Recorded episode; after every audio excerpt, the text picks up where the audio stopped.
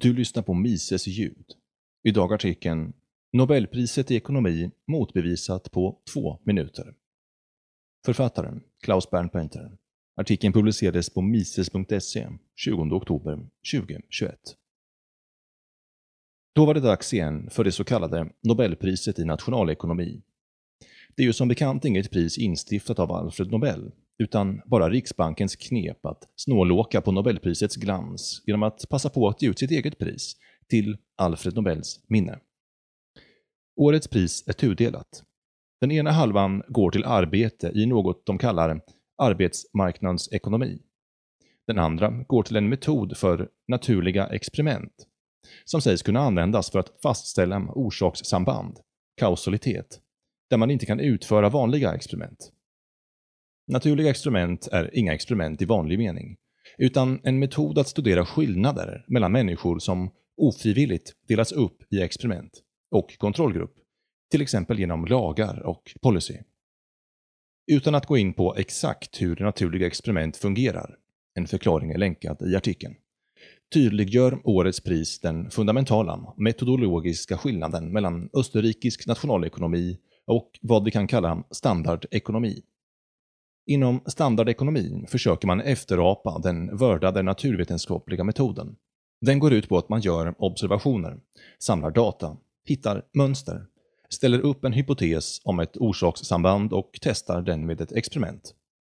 Om experimentet tillräckligt många gånger ger upphov till det utfall som hypotesen förutsäger, så drar man slutsatsen att man har identifierat kausalitet och därmed hittat en lag. Kausalitet är grunden för naturvetenskapliga lagar. Problemet är att man inte kan göra nationalekonomiska experiment, varför idén att hitta ekonomiska lagar med hjälp av naturvetenskaplig metod faller platt. Mises konstaterar att observationer av data egentligen inte ens är nationalekonomi, utan ekonomisk historia. Andra halvan av årets ekonomipris är tänkt att råda bot på den här bristen. Man menar att med naturliga experiment kan man fastställa kausalitet och hitta lagar inom nationalekonomi och andra sociala vetenskaper bara med observationer, utan att testa hypoteserna med experiment. Inom österrikisk nationalekonomi har man helt enkelt konstaterat att den naturvetenskapliga metoden är oanvändbar för ändamålet. Istället använder man något som liknar den matematiska metoden. Istället för att spå i data och försöka hitta lagar använder man logik för att härleda lagar. Data är enbart en kuriositet vid sidan om. Det låter konstigt för standardekonomer, men på samma sätt är det inom matematisk vetenskap. Med logik bevisar man att vinkelsumman i alla trianglar är summan av två räta, 180 grader. Trianglar som observerats i verkligheten kan nog vara så intressanta, men det är irrelevanta för lagen om vinkelsumman. Den första halvan av ekonomipriset gavs till David Card, som använt naturliga experiment för några undersökningar av arbetsmarknaden innan metoden ens hade ett namn. I förestående tycks hans undersökningar visa att självklara ekonomiska lagar på något mystiskt sätt inte gäller på arbetsmarknaden. Han hittade till exempel ett ett fall där högre minimilön inte ledde till högre arbetslöshet. 2. Ett fall där massinvandring inte ledde till lägre löner. Och 3.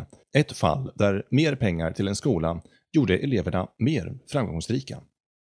Av ett är det tänkt att vi ska dra slutsatsen att man kan införa och höja minimilöner utan att skapa arbetslöshet.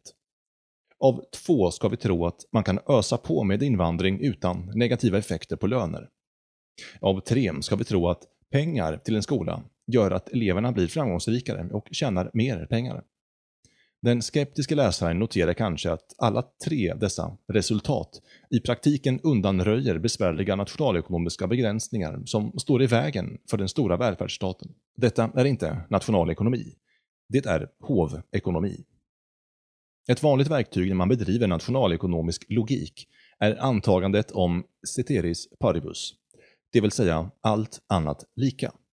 Till exempel om man höjer minimilönen och håller alla andra variabler oförändrade kommer arbetslösheten att öka. Finns ceteris paribus i verkligheten? Nej, det är ett teoretiskt tankeredskap. I verkligheten kan man inte höja minimilöner eller göra andra ingrepp utan att andra variabler också påverkas. I verkligheten får man aldrig exakt samma resultat som i tankemodellen. Detta är självklart. I de tre fallen som Card studerade tycktes den självklara avvikelsen mellan förenklad teori och komplex verklighet vara ett så förbluffande faktum att det är värt ett ekonomipris. Hans budskap är att arbetsmarknaden är en speciell marknad där normala ekonomiska lagar inte längre gäller. En plats där man utan risk kan ägna sig åt socialdemokratisk välfärdspolitik. Eller som priskommittén formulerar saken. We now have a considerably better understanding of how the labour market operates than we did 30 years ago. Resonemanget är bakvänt. Att ta ett teoretiskt verktyg och konstatera att det inte finns i verkligheten är inte en fribiljett till att göra vad som helst med verkligheten utan konsekvenser. Det påminner om att annat standardekonomiskt verktyg, antagandet om perfekta marknader. Att man inte hittar perfekta marknader i verkligheten används ofta som ursäkt för destruktiva politiska ingrepp för att försöka skapa dem. Det finns flera invändningar mot att dra nationalekonomiska slutsatser av dylika studier. Ett är svårigheten med att mäta ekonomi med medelvärden och aggregat. Till exempel, vad gäller lönerna vid invandringsstudien säger Card själv att lönerna steg för vissa grupper, men föll för andra. Att då bara ta ett medelvärde av alltihop och konstatera att det är oförändrat döljer all intressant dynamik. Det är som att stå med ena foten i snö och den andra i kokande vatten och påstå att man i genomsnitt har det ganska skönt. Eller som när man med hjälp av demokrati flyttat välstånd från fattiga till rika och sedan konstaterar att det totala välståndet är oförändrat. I just det här fallet, med just den här mätmetoden, blev det kanske plus minus noll i just det här medelvärdet. Är det en tröst för dem som drabbas negativt? Att studera ett specifikt exempel, räkna medelvärden och förklara att lagen om utbud och efterfrågan inte längre gäller på arbetsmarknaden är i det bästa fall dålig forskning och i värsta fall avsiktlig bedrägeri. Samma är med frågan om mer pengar till skolan. Mer pengar till exakt vad? Svensklärare? HBTQ-certifikat? I det meningslösa aggregatet pengar till skolan är en matematiklärare lika mycket värd som en genuspedagog, trots att den förra sannolikt kommer att göra eleverna mer framgångsrika och den senare kommer att göra dem dummare. En annan invändning gäller metoden. Den andra halvan av ekonomipriset gavs till Joshua D. Angrist och Guido V. Imbens för deras arbete med naturliga experiment. Card hade använt metoden innan den ens fått ett namn. Om man nu envisas med att utgå ifrån data är det en ganska allvarlig svaghet att tvingas förlita sig på de begränsade datamängder som skapas av policy och lagar. Säg att våra folkvalda bjuder oss ett naturligt experiment som höjer minimilönen med ett öre i timmen. Det naturliga experimentet detekterar ingen mätbar förändring i genomsnittlig arbetslöshet. Är det då rimligt att dra slutsatsen att högre minimilön inte orsakar lägre arbetslöshet? Eller om Riksbanken ökar penningmängden bara med 10 kronor och vi konstaterar att priserna inte stiger. Vore det rimligt att dra slutsatsen att ökad penningmängd inte leder till stigande priser? Om man sysslar med nationalekonomi tänker man istället så här. En arbetsgivare överväger att anställa en person. Om den ytterligare vinst personen kan skapa för företaget är högre än lönen han kräver, kommer han erbjudas anställning. Alla vinstdrivande företag resonerar på samma sätt. När lönerna trycks upp på grund av högre minimilöner kommer allt färre personer klara att skapa mer vinst än deras lön. Därför kommer färre anställas och arbetslösheten öka. För att riktigt testa logiken och lätta lite på kravet på ceteris paribus är det praktiskt att ta till ett extremt exempel och fundera på vad som måste hända.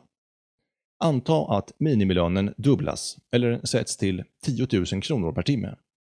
Vad händer med företagens möjlighet att anställa?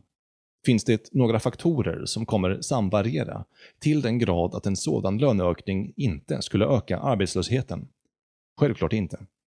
En vetenskaplig lag ska tåla att utsättas för extrema villkor och ändå ge rimliga resultat. Det kan ses som ett logiskt rimlighetstest. Sådana test kan man inte göra med lagar som vaskats fram ur begränsade datamängder. Friedrich von Hayek sa i sitt tacktal för 1974 års ekonomipris. Jag måste erkänna att om jag hade tillfrågats om huruvida man borde inrätta ett nobelpris i ekonomi skulle jag bestämt sagt säga nej. Nobelpriset förlänar mottagaren en myndighet som ingen människa inom nationalekonomi borde besitta. Det är ofarligt inom naturvetenskaperna. Här påverkar en människas inflytande främst experterna inom hans eget område. Det kommer snart trycka ner honom om han överskrider sin kompetens. Men det mesta av nationalekonomins inflytande går ut över lekmän, politiker, journalister, offentliga tjänstemän och folk i allmänhet. När ekonomipriset regelmässigt belönar män som ursäktar en svällande välfärdsstat så blir priset en plåga för allmänheten och en fara för civilisationen. Årets ekonomipris är inget undantag.